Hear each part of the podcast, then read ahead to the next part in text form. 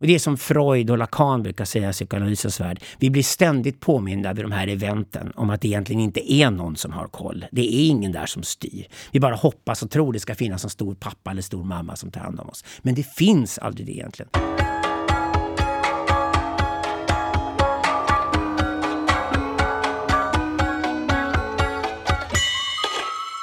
Hej och varmt välkommen till Smedjan-podden. Jag heter Karin Svanberg Sjövall och idag har jag med mig en gäst som jag har velat ha med länge för att diskutera ett ämne som jag också har velat prata om väldigt länge. Nämligen integritet, övervakning och kris. Alexander Bard, hemskt roligt att ha dig här. Tack så mycket Karin, det är underbart att vara här. Och också väldigt skönt att höra att du har tillfrisknat, för du har varit ganska rejält coronasjuk. Är det inte så? Jag tillhör den där åldersgruppen, speciellt av män mellan 50 och 60 års ålder så, som ofta får en rejäl släng av covid-19 om de blir drabbade. Eh, så jag hade ett par veckor när jag var rejält sjuk och ungefär 48 timmar som var kritiska också. Men eh, jag kom igenom det och hade tur med fantastisk vård, eh, fantastisk vänner och familj omkring mig och sånt där. Så jag, jag, jag mår toppen och eh, har varit feberfri ett par veckor och rehabiliteras. Ja, du ser oförskämt pigg ut måste jag säga. För att varit... Bara att komma in här så piggnar till också. ja, men på ett lite dystrare not då. Eh, redan för två år sedan så konstaterade Freedom House att den globala friheten på nätet hade minskat stadigt varje år i åtta år. Och nyligen så slog Amnesty International fast att restriktionerna på olika typer av individuella fri och rättigheter i världen ökar nästan lika snabbt som smittspridningen av covid-19. Så en, en öppen första fråga då är, är integritetsperspektivet liksom fullkomligt förlorat nu? Eller finns det förutsättningar för en, för en renässans? Nej, men det är väl så helt enkelt att först får du pandemin och sen får du paniken runt pandemin och då gaddar man ihop sig bakom sina ledare och, och sen går ledarnas opinionssiffror upp. Det har ju skett i nästan alla länder. Sen efter ett tag, eh, när man till exempel då ska montera ner det här som man har skapat, man ska ta sig ut ur en lockdown då blir det uppenbart att de stora skadorna eh, socialt ekonomiskt på samhället är så oerhört mycket större. Och det hamnar i nyhetsflödet istället för själva pandemin som har normaliserats som fenomen. Och det har alltid varit så under historiska pandemier. Och då kommer ju också ifrågasättandet av ledarskap man har skapat. Så jag tror säkert att integritetsfrågan kommer komma starkt så småningom. Men, men, problemet med integritetsfrågan genom historien är ju att om man tar upp den frågan för sent så är det också för sent att göra någonting åt situationen. Har man en gång hamnat i diktatur så är det väldigt svårt att ta sig ur den. Har man en gång fått en polisstat, är det väldigt svårt att ta sig ur den. Och det vi kan lära oss av historien, vare sig man läser sig Michel Foucault eller läser Ivan Illich eller någon annan civilisationskritiker, så ser man ju alltid att, att problemet är att varje gång man låter myndigheterna göra någonting som man i vanliga fall inte har accepterat så kommer de myndigheterna aldrig sluta göra det. Mm. Då har man släppt in den eh, demonen, eller man släppt ut anden ur flaskan och så får man dela med det efteråt. Och det är ju kampen för den personliga integriteten så oerhört mycket svårare om vi är slappa med det och inte varsamma på det här när faktiskt de här drastiska åtgärderna tas. Nyckeln ut ur Leviatan. Um, en annan sak som kriser föder är ju konspirationsteorier. Eh, nyfiken på ifall du har hört någon som är någon personlig favorit. Jag fick en ny häromdagen eh, som jag tyckte var, var rolig och som jag ville ta upp. Inte för att jag tror på den, utan för att den ställer upp ett fiktivt scenario som ändå är ganska relevant om man pratar principiellt just om övervakning och coronabekämpning. Och enligt den här teorin då, så köper nu kineserna upp enorma mängder data som amerikanerna självmant har, har lagt ut när de vill ta reda på hur deras genetiska bakgrund ser ut. De vill veta vad de har för, haft för etnicitet bakom, ifall det finns några riskfaktorer. Sånt där som man gör självmant och faktiskt betalat för. Och det här ska nu kineserna köpa upp enligt den här teorin. Och syftet med det är att man vill använda det här för biologisk krigsföring. Man vill skapa ett biologiskt vapen som kan liksom känna igen om man är kaukas eller asiat om man vill ligga i krig. det, det första man undrar då, varför ska kineserna ens betala för det? för amerikaner läcker förmodligen data i sån skala, så det är inget svårt alls för någon fiende att ta data från amerikaner. Det skulle jag utgå från. Nej. Det hade varit rimligare. Ja, det, det, är inte så mycket som är rimligt med den här teorin. Men skälet till att jag tar upp det är ju att de är ju på en sak som ändå är relevant och det handlar om, om, om den mängd data som eh, samlas in just nu. Alltså som, som ju rimligtvis måste vara på en skala som vi inte riktigt har sett tidigare. När, även, när just myndigheter och företag samarbetar kring att kartlägga hela befolkningar. Och vad man kan göra med den här typen av, av kvantitativa datamängder. Eh, vi ser ju nu till exempel att vi har en teknikutveckling kring ansiktsigenkänning som blir allt mer sofistikerad. Vi ser drönare som är ute och ska försöka mäta kroppstemperaturer på människor inte så sofistikerad teknik, men, men någonting som man använder den här datainsamlingen för att, för att förfina. Um, och då är ju förstås frågan, så här, är det här någonting som vi borde oroa oss för? Argumentet är att det här allt kommer hända. Det, fenomenet heter sensokrati. Och det är det tillstånd vi kommer gå in i nu historiskt. Jag och Jan Söderqvist har skrivit om, om det här i våra böcker och vi använder numera ordet ganska ofta. Eh, sensokrati innebär att världen blir full av sensorer som kopplas ihop med våra human senses, alltså våra sinnen. Så det är både senses, betyder sinnen, och sensorer som, som möter oss, som, som skapar en sensokrati.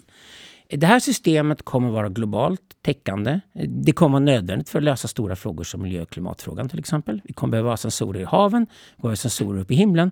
Vi kommer behöva ha mer, mer och mer data för att veta mer och gissa mindre om hur världen ser ut. Och då är det samtidigt så att vi människor producerar data nu ungefär. Vi fördubblar datamängden i världen vartannat år.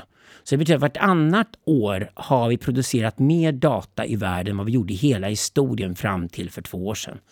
Eh, så det är alltså en enorm acceleration av datamängder som vi producerar självmant. Det gör vi genom vår användning av våra smartphones, våra laptops och liknande saker. Så det gör vi ändå vi är ändå trackade och följda hela tiden och vi får massor med förtjänster av det. Så, som skapas, som Google och andra företag skapar som nya tjänster som vi inte kan motstå. Google Maps blir intelligentare för varje generation som kommer. Prickar mer och mer vad vi egentligen vill ha. Så vi slipper hålla på och jaga mellan 70 restauranger utan vet vilken restaurang vi redan vill gå till. Så på det sättet styr algoritmerna. Och, och då, då har vi inget problem att lämna från oss data så länge våra data är avpersonifierade. Problemet blir när data personifierade. Och det är svårt att sätta de gränserna. Då skulle jag säga att problemet med det som händer nu är att det bara är stater och storföretag som sitter på dessa data. Och så har det blivit därför att vi fått en sån enorm konsolidering inom teknologin.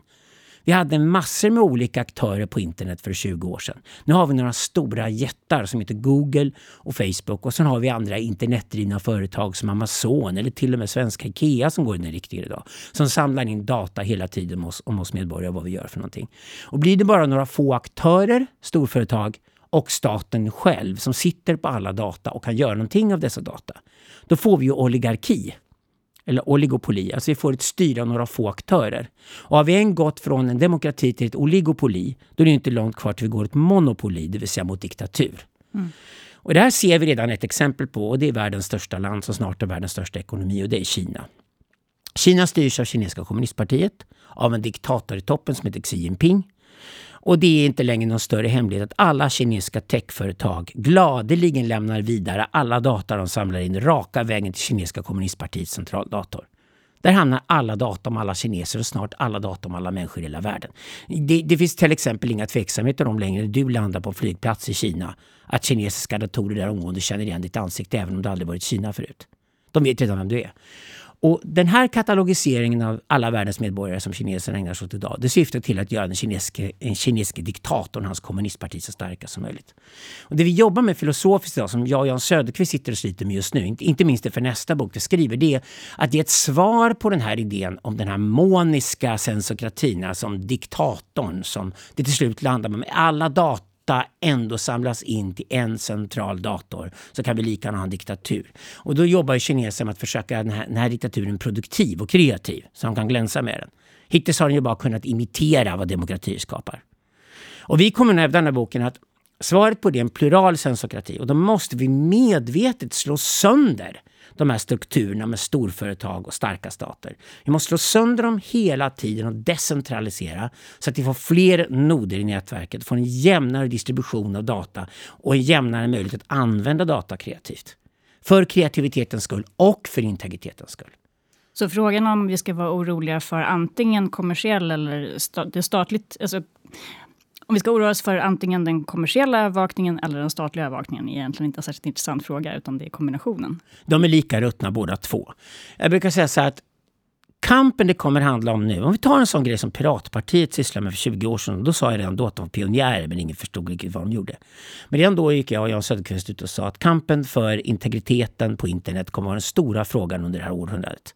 Alla andra frågor som miljö och klimatfrågan, hur du ska begränsa atomvapen och biologiska vapen, eh, alltså alla de andra frågor vi slåss med, stora existentiella frågorna, är egentligen beroende av att vi har pålitliga och öppna kommunikationskanaler mellan varandra och att vi inte är centralt styrda.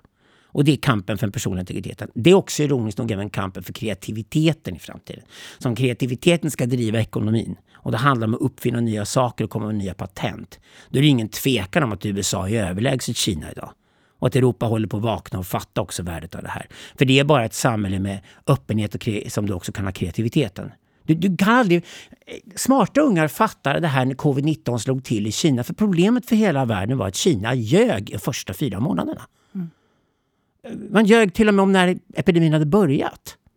Därför att alla var så rädda för att rapportera upp till diktatorn om vad som faktiskt pågick. För att diktatorn skulle ta illa vid sig av obekväm information. Så när väl Xi Jinping nådde sig information att det pågick en pandemi i stora delar av Kina, då måste han fått fullständig panik. För han är ju livrädd för som diktator att han ska få ta ansvaret för det som händer. Och det är klart han slår till med polisstatsmetoder. De absolut grövsta, värsta metoder du kan tänka dig. Människor i Kina bokstavligt talat bunkrades in bakom betong för att de inte skulle kunna sprida smittan i Hubei. Så desperata blev kineserna. Och sen är det ju sjuka att när sen smittan slår till med full kraft i Europa, först i Lombardiet och sen i Basken, får européerna sån panik att man försöker titta efter någon modell som man kan härma. Och det är det människor alltid gör när de är dåligt förberedda. De blir som mest mänskliga när de börjar härma andra. Och vad härmar de då? Kommunist-Kina! Och så börjar man stoltsera runt om i Europa. Politiker skulle spela tuffa för de var som Xi Jinping. Alltså, vi är ju chanslösa mot diktaturen när sensokratin kommer om vi redan från början är så svaga och har så taskigt självförtroende inom vår egen kultur att vi svarar med att härma diktatorn. Och då måste jag säga till Sveriges stora försvar att vi sket faktiskt att härma kineserna. Kanske för att vi var smartare eller var mer grundade i en annan ideologi och kunde motstå kinesernas diktatur. Svenskarna är ju dokumenterat de största fienderna mot den kinesiska diktaturen i Europa idag i värderingsundersökningar, vilket jag tycker är fantastiskt med Sverige. Jag tror att Sverige ska stå längst fram nu i kampen för det öppna och fria internet. Och det bästa sättet vi kan göra det är att säga ja, vi kommer få sensokratin. Vi kommer få ett internet som aldrig glömmer någonting. Allting kommer från och med nu i historien att diarieföras. Allting kommer att bli data. Och när det en gång har samlats in, hur mycket myndigheter de påstår att ska bränna data, man bränner aldrig data. Man kopierar bara och lägger dessa data någon annanstans. Det betyder att alla data kommer finnas kvar. Allting vi säger och gör kommer minnas. Vi kommer att ha ansvar i hela våra liv för att internet kommer tillbaka och påminner oss om allting vi har gjort i våra liv. På det sättet är det liksom Freuds överjag som blir ett kollektivt massfenomen i det här samhället. Men det är oundvikligt. Det kommer ske på grund av att teknologin opererar så. Men då är integriteten död? Nej, den är inte död. För orsaken till att integritet existerar är inte att alla data samlas in och att allting finns någonstans och kan dokumenteras. Nej, integriteten dör när det centraliseras. I ett decentraliserat samhälle så kan inte aktörer som har tillgång till data bete sig fientligt mot dig om du så säger “fuck you, jag drar härifrån” och går någon annanstans. Och det är det som är briljant med marknaden. Det är därför handelsvägarna och marknaden är historiskt sett det bästa stället idag att lära oss hur man ska agera för ett pluralt samhälle. Om vi vet att pluralitet är helt avgörande. Och, och, när du går in i en basar så kan handelsmännen alla veta om de olika priserna de har. Det är ingen hemlighet. Alla vet om vad för fuffens de håller på med. Alla vet om var de fått sina mattor ifrån när de står och säljer dem och så vidare. Men basaren fungerar därför att om en handlare försöker lura dig kan du gå till en annan handlare. Och det är faktiskt det som är grunden till den personliga integriteten. Det är att jag kan säga, du fick informationen av mig, du missbrukade den, jag tänker inte ge dig mina data igen. Jag tänker gå någon annanstans där någon kommer plundra med mina data, men jag får ett mervärde av det. Alltså kommer jag flytta från en nod till en annan inom sensokratin. För sensokratin är ett globalt nätverk och vi måste inte acceptera de herrar som finns där. Till exempel vi i Sverige tänker inte acceptera att vi ska lyda under Xi Jinping i Kina. Alltså får hans makt inte nå fram till Sverige. Han vill inte ha något inflytande i vårt land. Det är det som kommer att integritetsfrågan. För nu är det ju många som menar att Kina på, på allvar har tagit scenen som, som världsherrar. Och att detta delvis byggde på att de inte hade så mycket GDPR-lagstiftning och annat trams som stod i vägen för just datainsamling och att det gjorde dem bättre förberedda på att faktiskt hantera den här pandemin. Um, men det låter inte på dig som om du riktigt tror att det ligger till på det sättet. Om, om kreativitet och frihet ändå är förutsättningar för för framsteg. Inte bara jag har redan pumpat dig om Taiwan eftersom du har bott där Karin. Och, och eh, mitt team kommer att åka till Taiwan, Korea och Japan och jobba mycket där redan i höst så fort vi kan flyga igen. Eh, därför att det intressanta är ju andra länder som var minst lika framgångsrika som Kina, om inte bättre, på att bekämpa covid-19. Och gjorde det med sensokratiska metoder, det vill säga kraftfull datainsamling, övervakning av befolkning. Men ändå uppenbarligen lyckas behålla öppenheten och demokratin. Om inte annat för att de inte vill vara kommunistkina. Och de till och med stoltserar över att i vårt kulturarv ska vi ha ett öppet och fritt samhälle. Och vi ska visa kineserna att det går att göra det här annorlunda.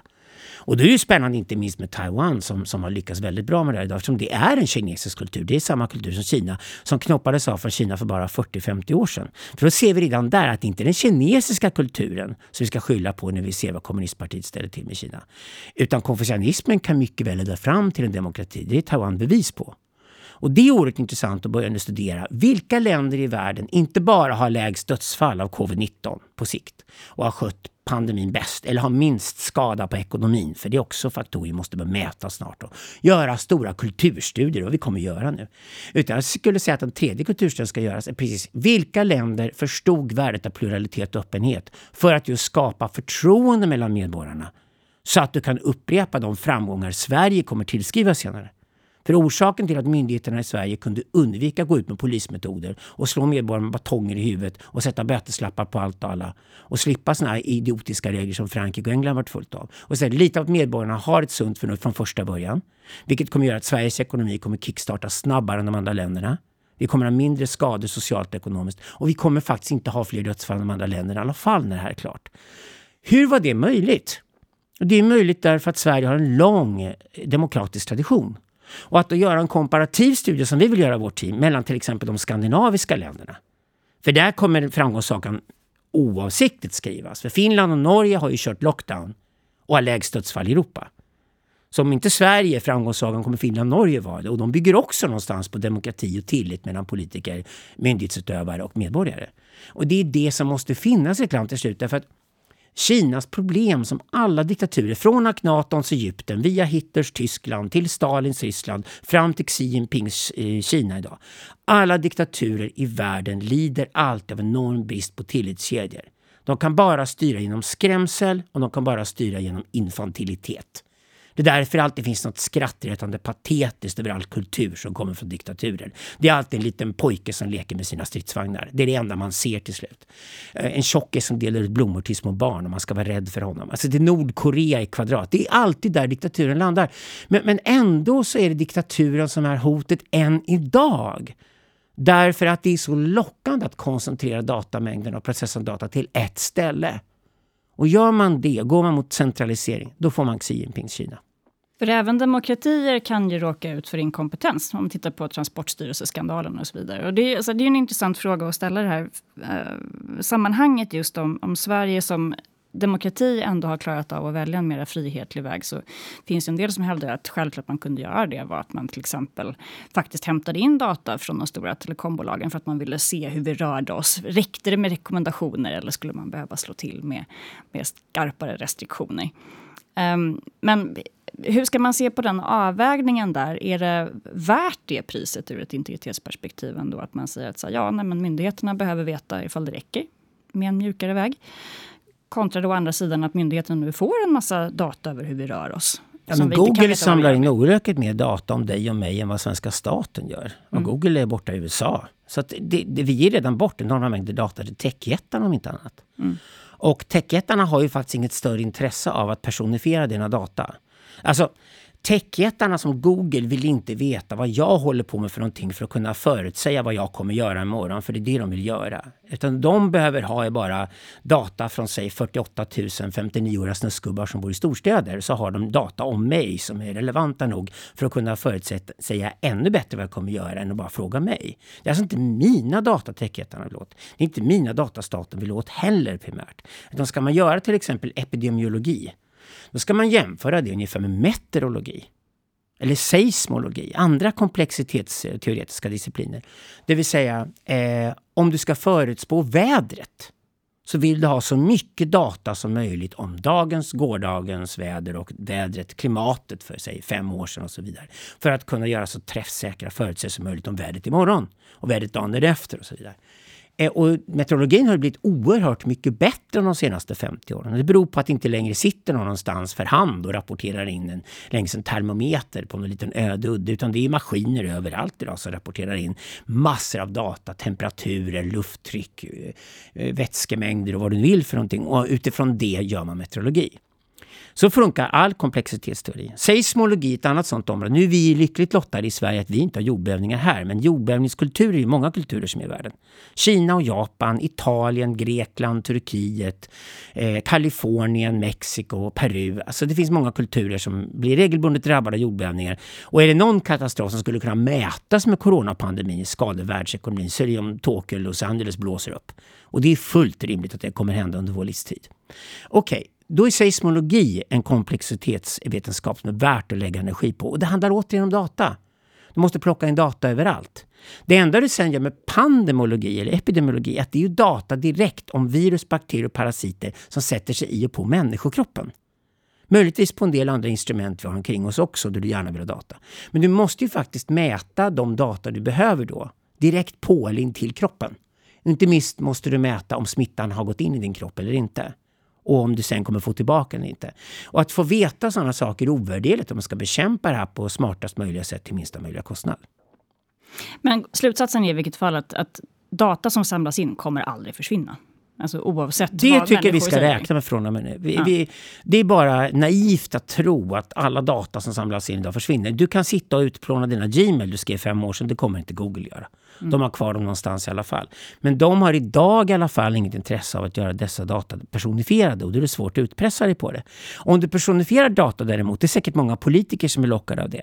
Men då får du helt andra problem. Eftersom data inte förstörs så kan också alla komma åt data om de får en läcka av något slag.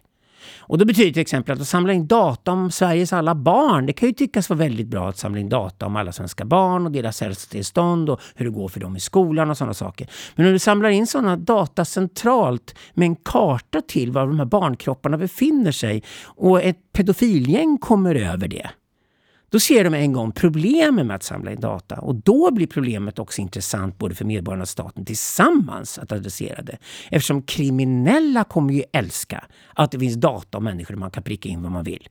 Herregud, inbrottstjuvar skulle älska att få en karta över Stockholm där man talar om vilka lägenheter ingen är hemma och inte ens grannarna är hemma. Det är bara att gå raka vägen dit, göra inbrottet ostört, plocka allt man vill ha. Det är sånt som är problemet nu när vi samlar data om absolut allt. Och, och där tror jag att det finns ett intresse för politiker och medborgare tillsammans att adressera de problemen. Att det finns en fara att politikerna tycker det är jättekul att få hur mycket data som helst.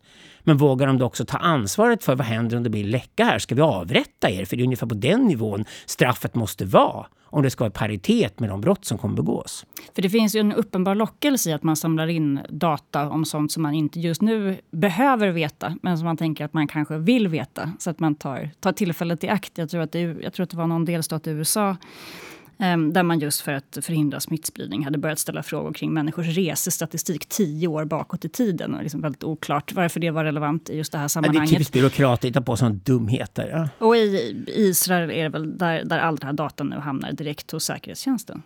Det ja, det tror nog israelerna från början att det gör i alla fall. Så det är nog inte nytt med att det blir offentligt. Mm. Det är en polisstat. Så att det, jag skulle säga så att det här med depersonifieringen är nyckeln till det här. Därför att om du till exempel sitter med en Android i handen och, och du hamnar i en trafikkö.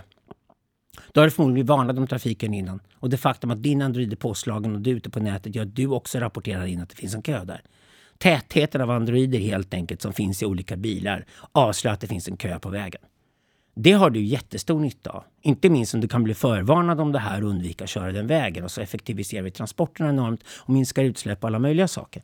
Så det finns en enorma fördelar i att, att förstå flöden och stopp till exempel i ett samhälle. Och det gör vi via depersonifierade data. Så ska inte data samlas in någonstans överhuvudtaget, då går vi tillbaka till medeltiden.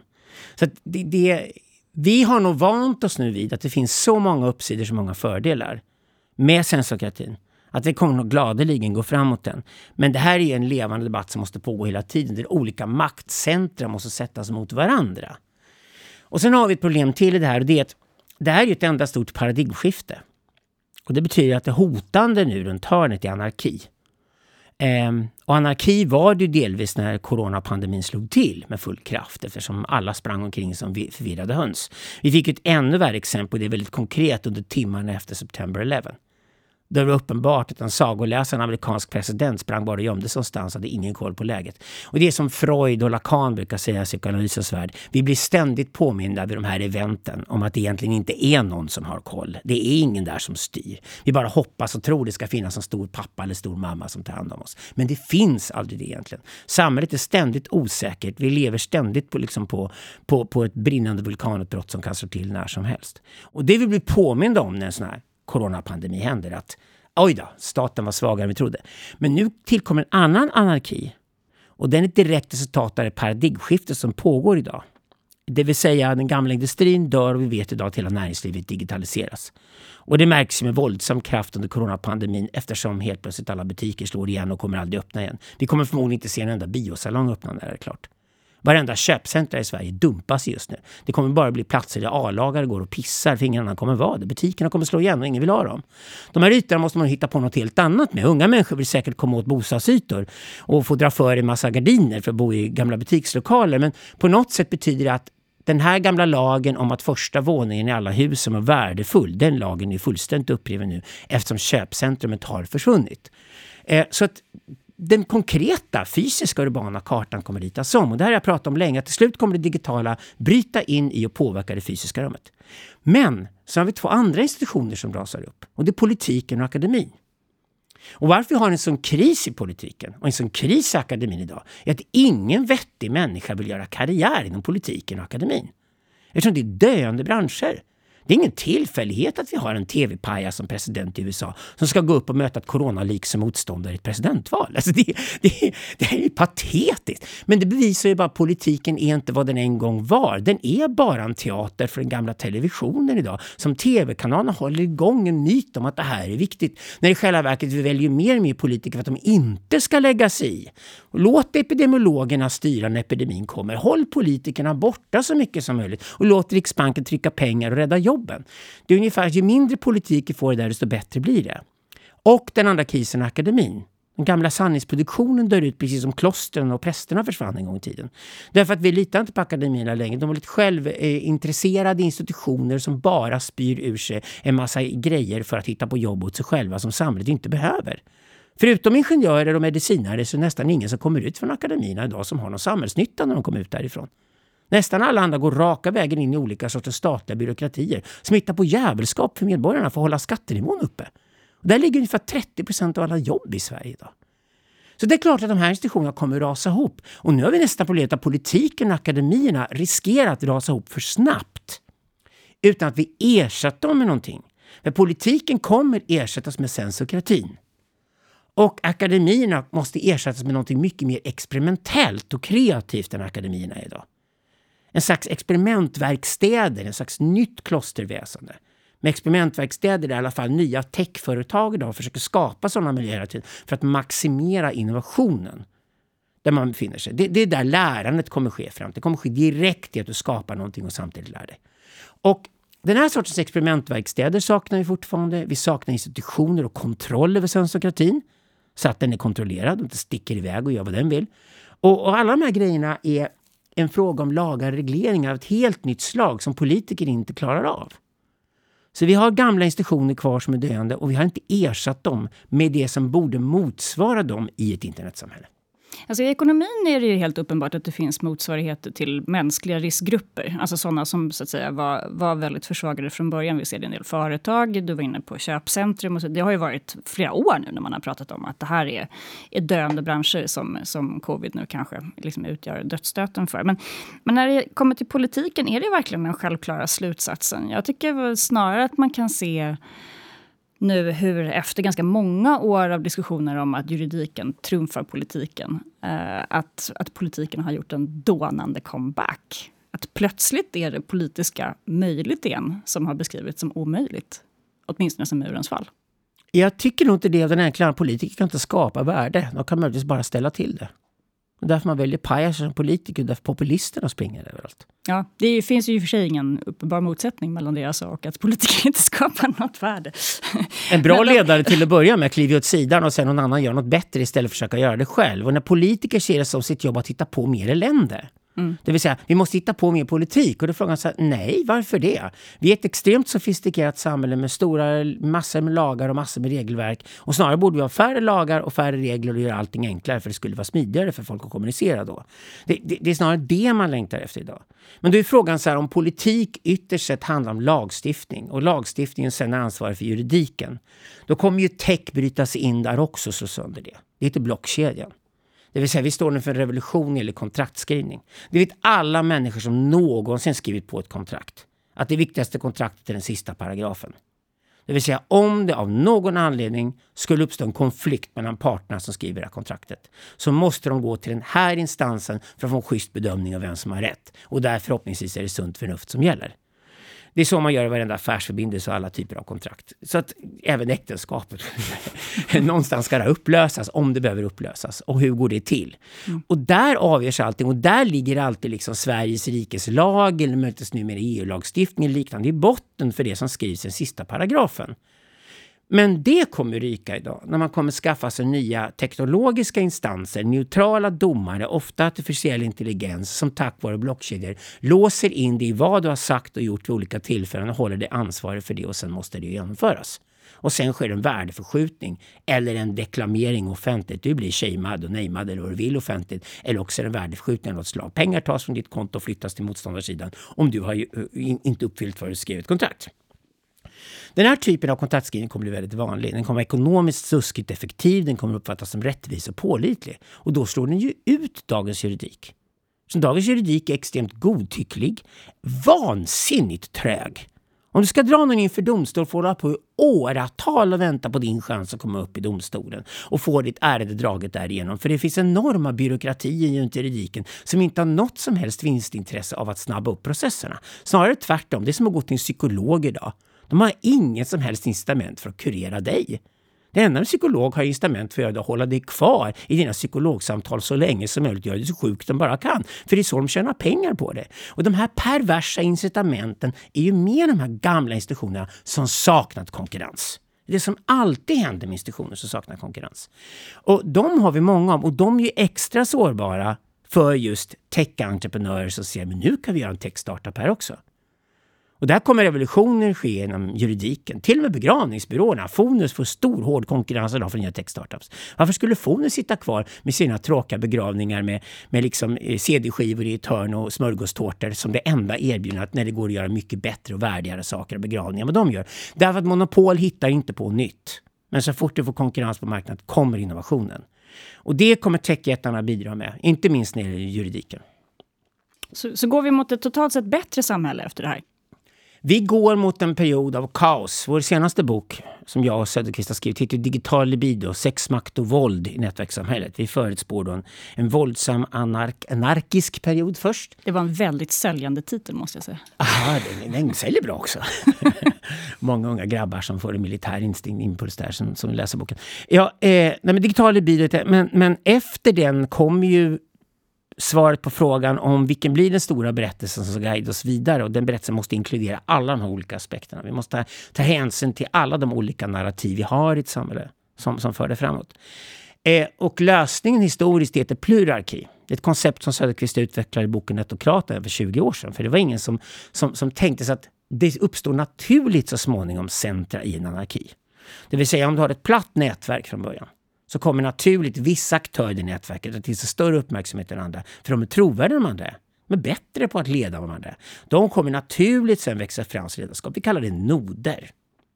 Nexialism kallas det. Det kommer noder som växer fram. Och de noderna som växer fram skapar på sikt ett stabilare system. Kanske ett exempel på det i historien det var de första fasta bosättningarna. Om de började för ungefär 6000 år sedan i större skala i Mesopotamien så, så ledde det till enorma konflikter. En rysk historiker som heter Sergej Turchin som använder dataantropologi idag har bevisat att de första tusen åren av fasta bosättningar var den blodigaste perioden i mänsklighetens historia. Vi byggde våra fasta bosättningar och sen när vi misslyckades med någonting så drog vi in grannbyn, slog ihjäl alla plundrare och tog med oss allting därifrån. Det var bara våld och våldtäkter och mord och plundring hela tiden. Alla var vikingar. Eh, till slut, efter tusen års tid, började man klura ut att man kunde kanske hitta på vissa berättelser som band ihop byarna så man inte slog ihjäl varandra. Och då kommer de här långa långa tiraderna av, av, av, fäder man refererar tillbaka till, eller mödrar. Huvudsakligen refererar tillbaka till någonting gammalt som man får tro, trovärdighet av. Och då säger man helt enkelt att ni har en urfader i den här stammen här och de har en urfader i den andra byn där uppe längs floden och nu bestämmer vi oss för att ni har en gemensam ururfader, en fader till urfäderna. Helt enkelt. Och han är den riktiga urfadern och nu bygger vi en religion runt honom. Och de här religionerna som då byggs i floddalarna skapar temporära perioder av fred. Och det första som händer för temporära perioder av fred, vilket är en nod, templet är en nod, är att runt noden, templet, uppstår nya noder som kallas handelsplatser. Och det är briljanta. Kristendomens fel är att de har inte förstått att kommersialism och religion hör ihop. Det är nämligen så att kommersiella aktiviteter är det första som händer när religionerna skapar trygghet i ett samhälle. Så du får först en berättelse som binder ihop samhället och i spåren efter den berättelsen börjar du sen bygga handelsplatser. Och vi vet gång på gång på gång i historien att ju mer handel vi har mellan olika kulturer, ju mer beroende vi har mellan kulturerna, ju mer välstånd vi sin tur får av det, för vi får ökad specialisering mellan kulturerna, desto bättre blir det för alla. Det efter 5000 år borde jag ha lärt oss den läxan. Den gäller i alla tidsåldrar och alla kulturer. Och det är inte annorlunda idag heller. Så det vi saknar idag är att vi saknar en berättelse på global nivå som binder ihop ett narrativ för att sen gå ner på en lägre nivå. Och då är problemet där att den enda lägre nivå vi känner till som vi har stretchat oss till och klarar av, det är nationen. Och nationen bygger på det gemensamma språket. Nu kommer ju Google Translate och liknande saker. Det blir lättare att förstå andra kulturers språk. Det blir lättare att lära sig språk överhuvudtaget med nya, med nya hjälpmedel som finns. Men framförallt blir det lättare att översätta. Om att översättningen blir bättre kommer vi också lära oss universella andra kulturer. Och då finns det alltså på sikt gott hopp om att vi får en ökad global förståelse, i alla fall inom en ny elit som kommer att ha ett intresse av det. Och de kallar Göran Söderqvist för globala nomader. Det är kanske det av alla våra uttryck som har fäst bäst och som används mycket idag. Det är globala nomader uttrycket som vi hittade på på 90-talet. Och det, de globala nomaderna kommer till slut vara den här eliten. De som klarar av att vara globala idag är den nya eliten som bor på ställen som Dubai, och Singapore och andra välskötta lågskatteländer där de får ut absolut maximalt av sitt arbete och blir de rikaste människorna i världen och deras ungar går på toppskolor och lär sig fyra språk flytande innan de fyller 12 år. Det är den nya eliten. Den finns på sådana ställen. Och under den eliten kommer det sen finnas de som aspirerar på att komma dit till den eliten. Och sen kommer vi ha kvar en ny underklass. Och det är de som är somewheres idag. Det är de som absolut vill ha fäste någonstans geografiskt på en plats och insisterar att byn eller stan jag bor i måste fungera och här ska jag hålla mig kvar och jag ska ha alla fördelar av det samhälle vi har men jag tänker inte flytta härifrån. Det är vår tids vi flytt inte. Och det finns globalt idag, dessa somewheres. Och det är de som reagerar och använder ett gammalt medium som politiken idag tar över den med sina populistiska politiker. Därför att ingen i eliten besudlar sig, länge sig längre med att ingå i politiken. Alltså, ingen i den nya globala eliten vill vara med i politiken. Ingen av tech-entreprenörerna vill bli politiker. Ingen av, ingen av rådgivarna i techvärlden, ingen i det nya digitala prästerskapet skulle någonsin ha politiken att göra. De går rakt in i sensokratin, de jobbar i de stora techbolagen och de nya techbolagen kommer nu vara större och starkare än nationerna. Jeff Bezos kommer uppenbarligen vara mäktigare i USA än Donald Trump när coronakrisen är över. Det kommer inte vara någon tvekan om att Amazon har blivit vår tids East India Company. Och vi vet alla att det var East India Company som styrde det brittiska imperiet och inte drottningen i London. Så dit är vi på väg nu. Vi är på väg mot... Näringslivet kommer att bli vrålstarkt i det här. Näringslivet är ju först med att skifta över till tech. Medan alla världens börser föll 30 procent när coronakrisen kom, gick Nasdaq upp. Alla fattar med en gång att nu speedas hela processen upp. Amazon rullar ut ännu mer, nyanställer hundratusentals människor. E-handeln bara ökar och alla andra tjänster och varor och allting och appar och allting som följer med tech har bara ökat, ökat, ökat. Och vi sitter och spyr framför Zoom och Google Meet, vi var ingen annanstans att träffa andra människor än där. Och därför är vi där och hooked allihopa och företaget Zoom har flugit upp på Nasdaq i värde. Det här var ju Techs riktiga genombrott. Det kom nu här 2020. Och då är det klart att det är de här stora techbolagen som kommer klara sig och näringslivet kommer klara sig. Och sen kommer näringslivet vara tvungna att säga okej, okay, vi kan lämna vilket land i världen vi vill när inte vi får de villkor vi vill ha där. Men till syvende och sist vill vi betala skatt någonstans och få tryggheten någonstans att våra eh, arbetare är skyddade alltihop. För vi vill ändå bara betala lön för de åtta timmar per dygn och inte göra dem till slavar 24 timmar per dygn. Helst inte mer än åtta timmar per dygn. Okay? Och maximera deras, optimera deras nytta för företaget. Och det kommer techjättarna att göra. Men vi har ingen lösning för hur politiken och akademierna ska göra samma resa som näringslivet gör ännu. För den resan redan är full gång. Och då blir den sista avslutande frågan i denna sensokratin. Är det ett övervakningssamhälle? Ja, det är ett övervakningssamhälle. Och då är inte problemet att, att data samlas in via kameror och mikrofoner, för det kommer det göra nästan överallt. Utan frågan är var landar dessa data och distribueras de på flera pooler? Landar det på ett enda ställe, då har vi övervakningssamhället. Det är det kineserna försöker skapa idag. Och vi är skyldiga dem ett svar på vad de gör. Vi måste skapa ett alternativ, en öppen och fri sensokrati. Och det är också vår enda räddning för det som heter politiken idag. Och med dessa ord får vi avsluta dagens podd. Stort tack Alexander Bard, alltid ett nöje. Och som vanligt, stort tack till er som lyssnar och läser. Vi hörs och syns i spalterna.